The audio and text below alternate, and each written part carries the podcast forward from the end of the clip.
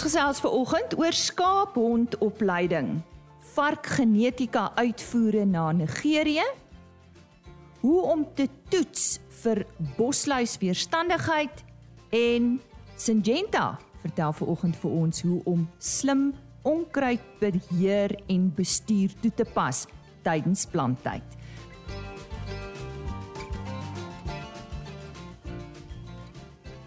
Hartlik welkom by RSG Landbou. My naam is Lise Roberts en dit is vandag 27 Oktober. Ons staan natuurlik aan die begin van planttyd vir die nuwe seisoen en met kunsmispryse wat boere na hulle asems laat snak. Nou sommige produkte se pryse is amper 70% hoër as verlede jaar. sien dat dat gewasse voedingsstowwe nodig het om 'n goeie opbrengste te lewer, het boere nie regte keuse nie.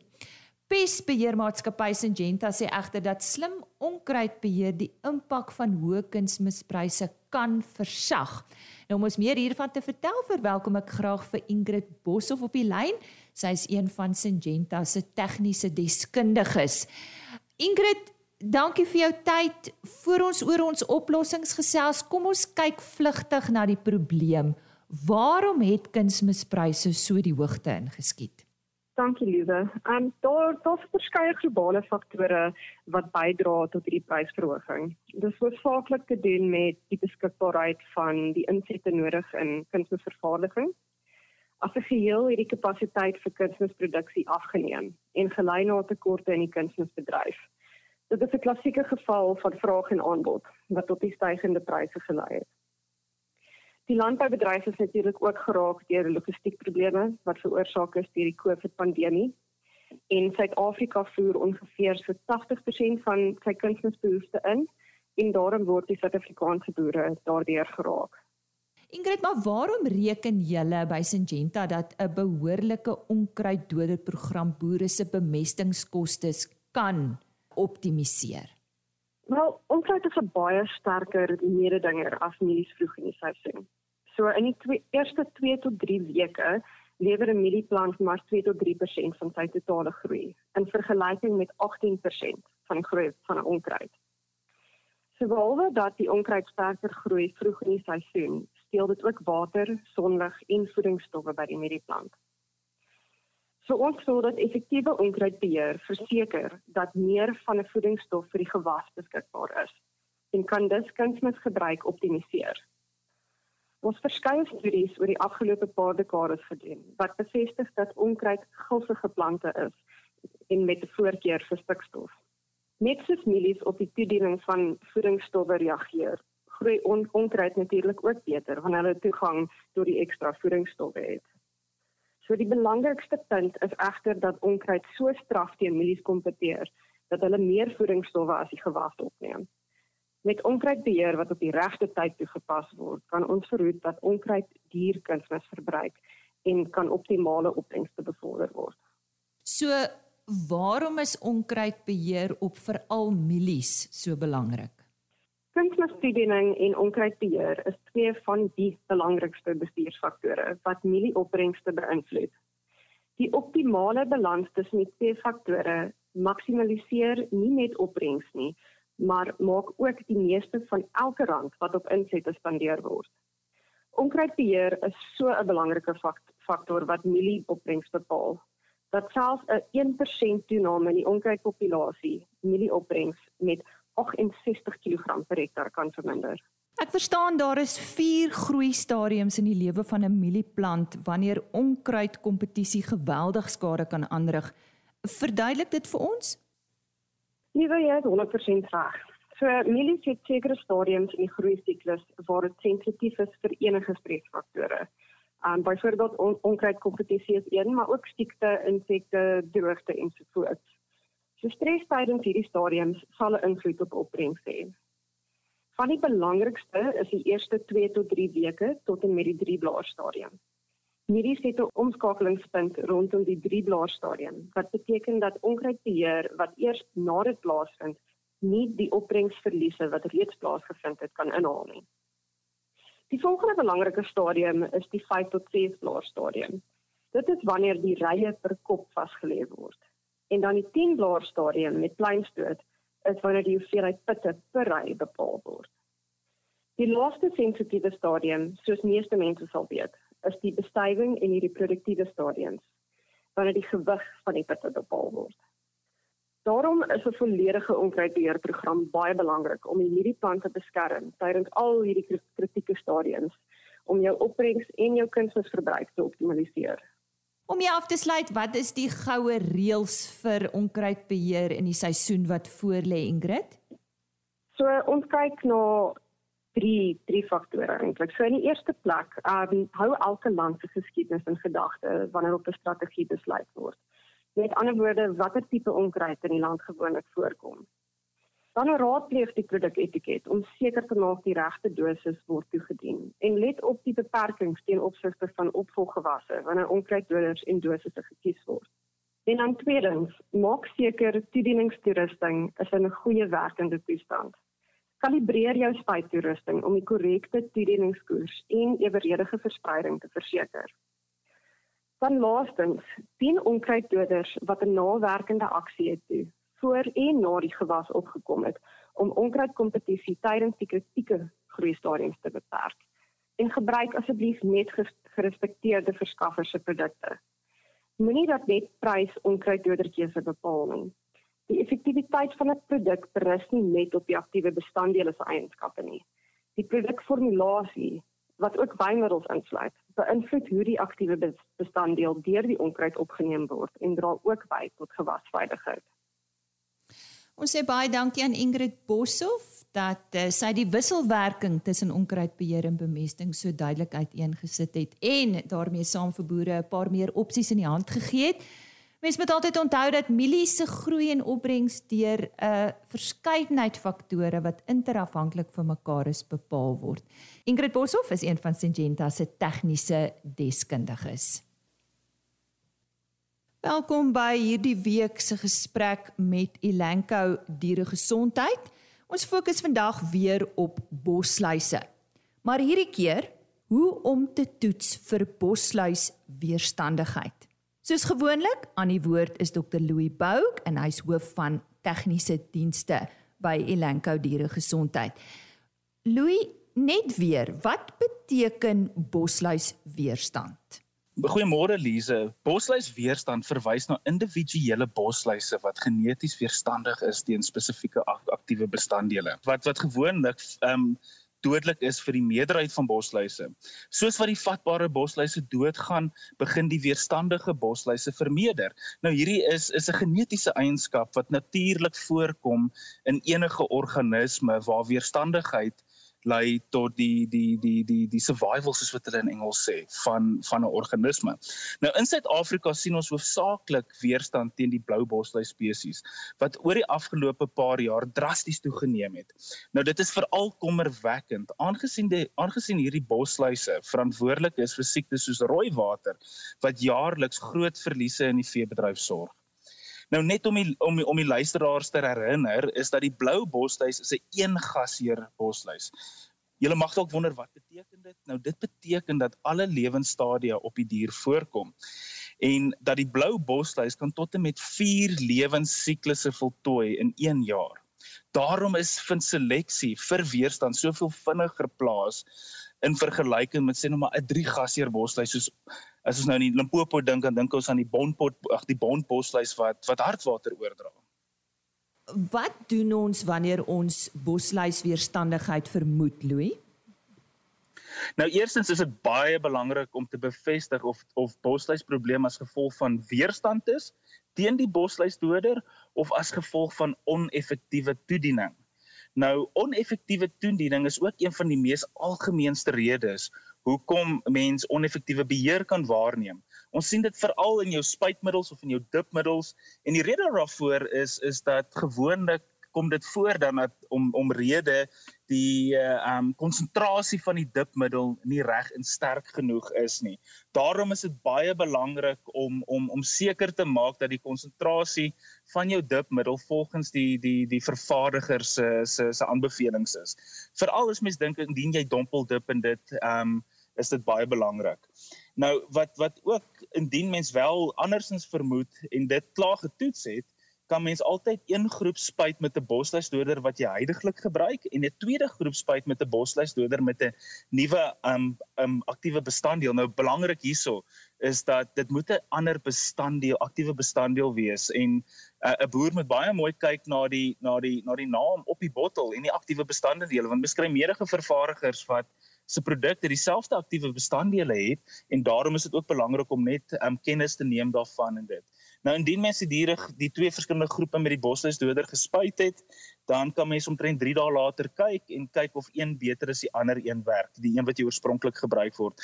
Indien dit die geval is, dan sal my sterk vermoed ehm um, dat daar wel weerstand is en dan kan mens dit een stapie verder vat. Jy het nou gesels oor vermoed, maar hoe bevestig ek bosluisweerstandigheid? Nou om bosluis weerstandigheid te bevestig, is dit moet mense dit maar gewoonlik in samewerking met 'n geskikte laboratorium doen en dit kan gefasiliteer word deur jou veearts of dieregesondheidsmaatskappy. Nou daar's verskeie metodes om vir eh, vir weerstand te toets. Een van die mees algemene metodes is om volgesuigde vroulike bosluise te versamel en na 'n laboratorium te stuur waar die bosluislarwes uitgebroei word en aan die aktiewe bestanddele blootgestel word. Nou wat bitter belangrik is ten opsigte van hierdie proses is dat die bosluise moet versamel word voordat die boer gedip het en ten minste 4 weke voor die ag ekskuus na die ehm um, vorige behandeling. En die rede hiervoor is dit is om 'n om 'n om 'n om 'n goeie prentjie van jou plaas te kry. Want as jy dit doen net na jy gedip het, dan gaan jy potensieel net 'n hoë weerstandigheid vlak en dit gee nie vir die regte prentjie ehm um, wat op jou plaas aangaan nie. En die die die laaste ding is en ek dink dit is bitter belangrik is dat ehm um, ons hou altyd van ons diere wat so mooi skoon lyk en daar moenie 'n enkele bosluis op die dier wees nie. Maar dis eintlik die verkeerde ding wat ons kan doen. Nou, dit is belangrik, daar moet altyd 'n paar bosluise oor jou dier op jou dier bly. En die rede daarvoor is is om die immuniteit van die dier te stimuleer, om wat ons praat van endemiese weerstand te kry, veral teen die siektes wat die bosluise oordra. Indien jy jou dier heeltyd skoon dip, bou daai daai daai daai bees ehm um, byvoorbeeld nie daai daai immuniteit op nie en dan raak hulle meer vatbaar vir byvoorbeeld rooi water, hartwater ensovoorts. Vir meer inligting, Louis, natuurlik, hoe kan julle julle skakel of waar kan hulle meer gaan lees hieroor? Ja, sekerlik, asseblief. Uh, die mense of, of enige uh, luisteraar is meer as welkom om ons te skakel op 0861 352 626 en dan antwoord ons graag enige vrae. So sê Dr. Louis Bou, hy's hoof van tegniese dienste by Elanco Dieregesondheid. Kom ons herhaal net weer daardie kontakbesonderhede indien jy meer wil weet oor hierdie toets om uh, bosluisweerstandigheid te bevestig. Dit is 0861 352 626 en hulle webtuiste www.elanco met 'n c.com.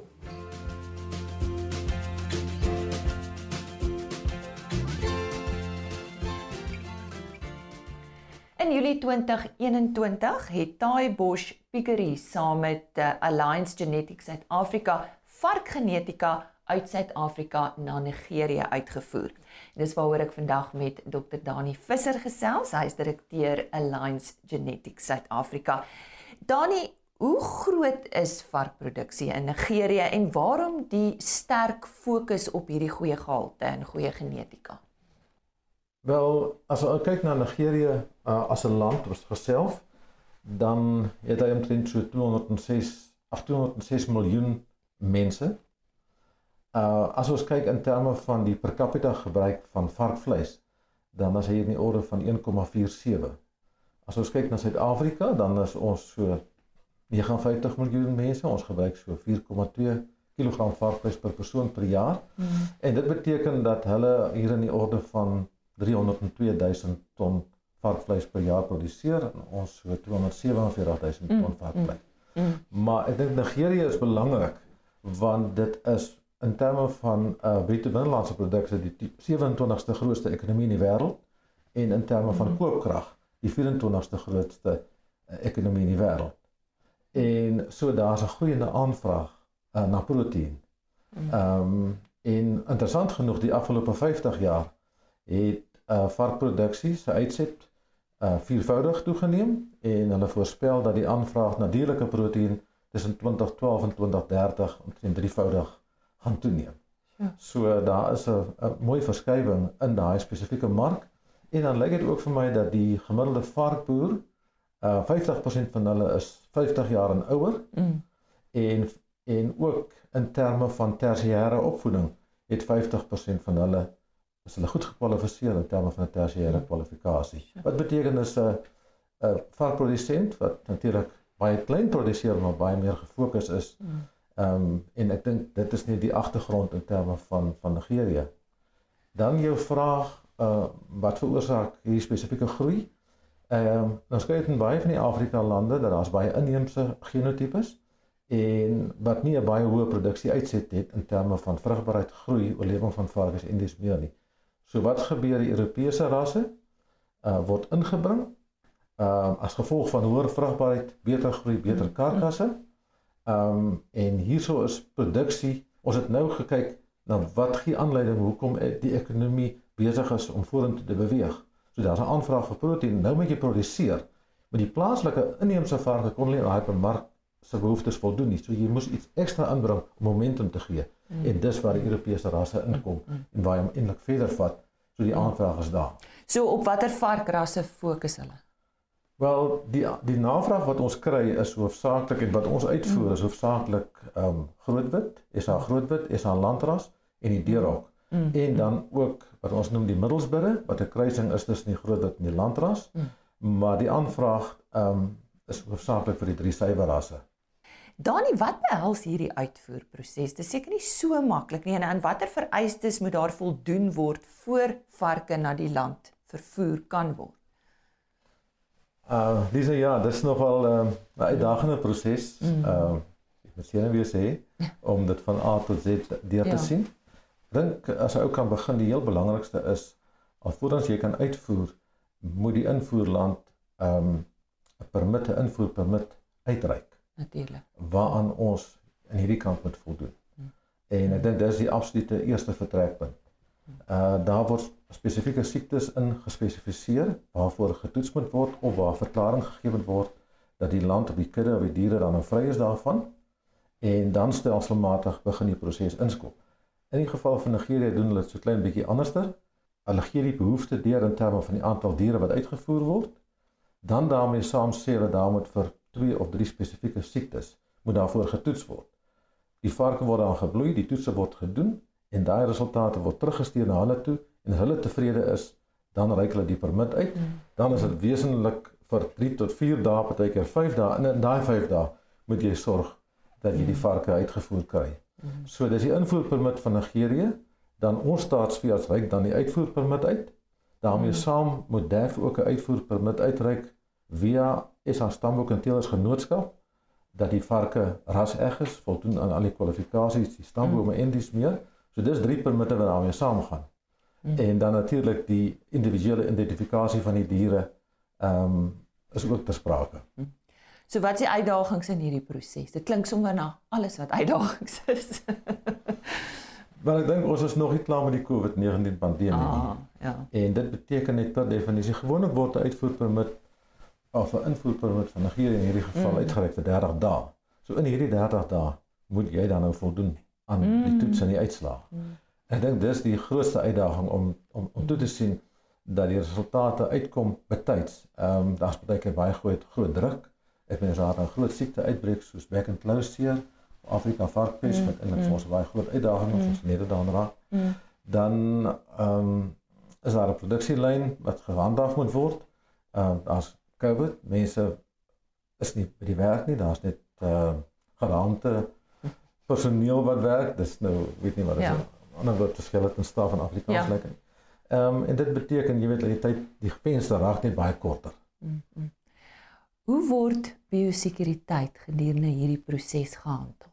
Wel ek dink ons kan alleenlik uitvoer van kompartemente wat deur ehm um, die staatsveearts die die spesifieke kompartement is geregistreer by veterinêre dienste en elke kompartement kry 'n spesifieke ZA-nommer wat vir 'n jaar geld. En dan moet elke 6 maande bloedmonsters geneem word van vier belangrike siektes wat wat groot mm. gevolge in Suid-Afrika tot gevolg gehad het. Ehm um, en so dit word deurlopend gemonitor. Daar is ook besoeke van staatsveeartse en maandelikse besoeke van konsulterende veeartse om te verseker dat die gesondheid van die diere en dierentyd op 'n baie hoë standaard is en dat daar voldoen word aan die kriteria van kompartmentalisasie. So jy kan ehm um, 'n siekte hê in 'n land, maar jy kan uit 'n kompartement as alles reg is, kan jy daarvan af uitvoer. Nou het sy oorsprong in 2005 gehad toe ons klassieke varkbees uitbraak in die Oos-Kaap gehad het.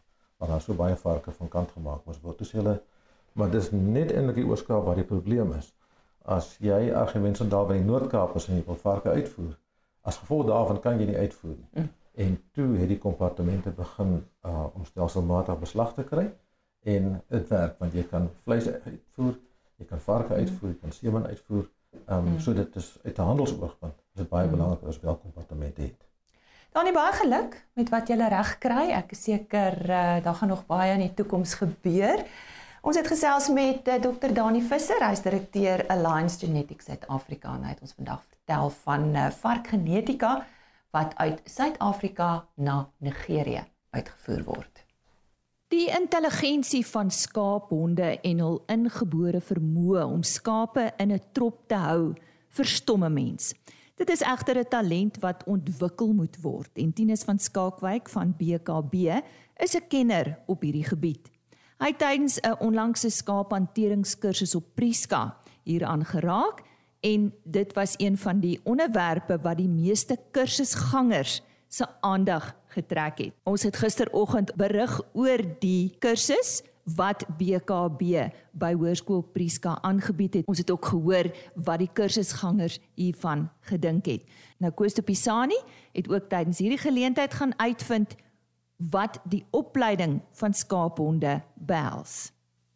Dit is een ding om skaaphonde op te lei, maar op 'n skaapplaas is daar baie moets en moenies oor die versorging en die hantering van skaaphonde. Ek gesels vandag met Tinus van Skalkwyk wat redelike kenner is op die gebied en uh hy bied ook uh, verskeie opleidingskursusse aan vir BKB uh oor skaaphantering.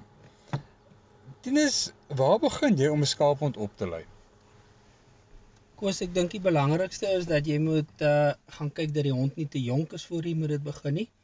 Hier so in die omgewing van 6 na 8 maande toe dink ek kan jy die hond begin blootstel aan die diere voor dit dink ek is dit belangrik om die hond dissipline en gehoorsaamheid te leer voordat jy hom na die skaapkraal toe vat.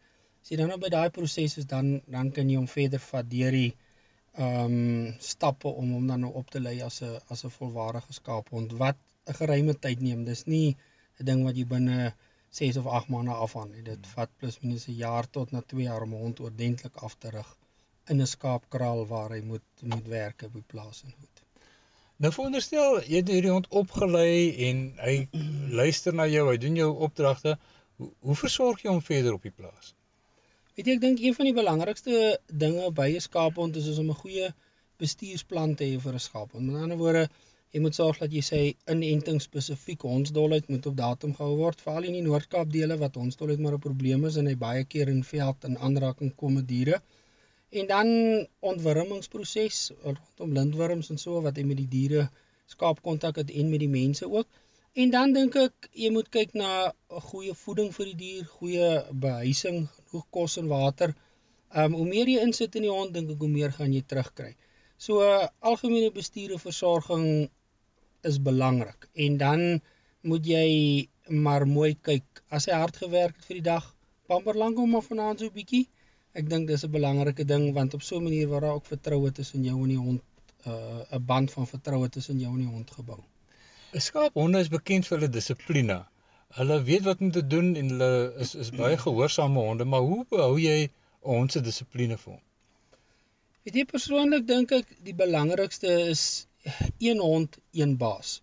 Een ou moet met een skaaphond werk want weer eens word daai vertrouensband tussen jou en die hond gebou. Die hond leer jou ken, jy leer die hond ken, maar as jy vandag hierdie ou werk met hom, môre ander ou met hom, dan begin die hond dissipline verleer en Dan dink ek wat belangrik is is dat as jy met die hond veld toe gaan of kraal toe gaan met 'n skaaphond, vat jou skaaphond, moenie ander honde saamvat. Ongeleerde, onopgeleide honde nie want so maklik dan verval hy dissipline.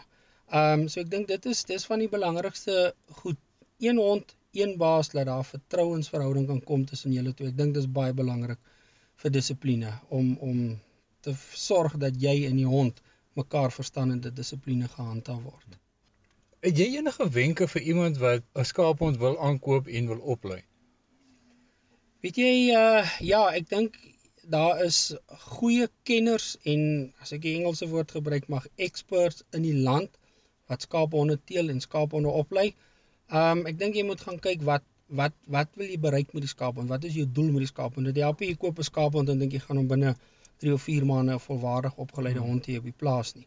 Um daar gaan baie tyd en effort in en jy as eienaar van die skaaphond moet deeglik huiswerk doen. Wat wil ek hê? Wat wil ek doen? En jy kry verskillende tipe skaaphonde wat ook bepaal watter geaardheid daai tipe van ding. So ek dink huiswerk is baie belangrik. Nie sommer net 'n skaaphond te kry omdat hy mooi en nice is en ek wil skaapwerk met hom nie. En en waar sou jy sê kan 'n mens hom laat oplei? Is, is is daar kursusse beskikbaar of is dit iets wat jy self moet doen? Is dit 'n ding wat jy self tussen jou en jou hond moet uit uh, werk? Weet jy daar is is mense wat uh skaaphondteelers wat skaaphonde oplei, wat goeie opleiding doen.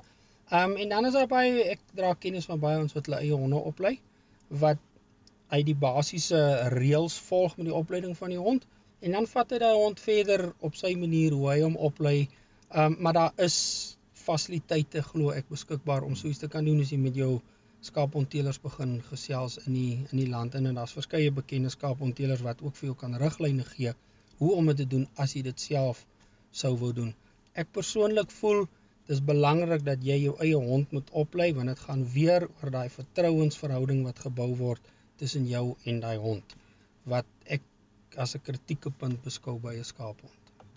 Dit was Tinus uh, van Skalkwyk. Uh, ek is Koos de Pisani vir RSC Landbou op Prieska. Dankie dat jy ver oggend saam met ons gekuier het vir RSC Landbou. Maak gerus môreoggend weer so. Ons webtuiste waar die potgooi van elke onderhoud gelaai word is www.agriorbit.com en ons e-posadres rsglandbou@plaasmedia.co.za. Totsiens. RSG Landbou is 'n plaasmedia produksie met regisseur en aanbieder Lize Roberts en tegniese ondersteuning deur Jolande Rooi.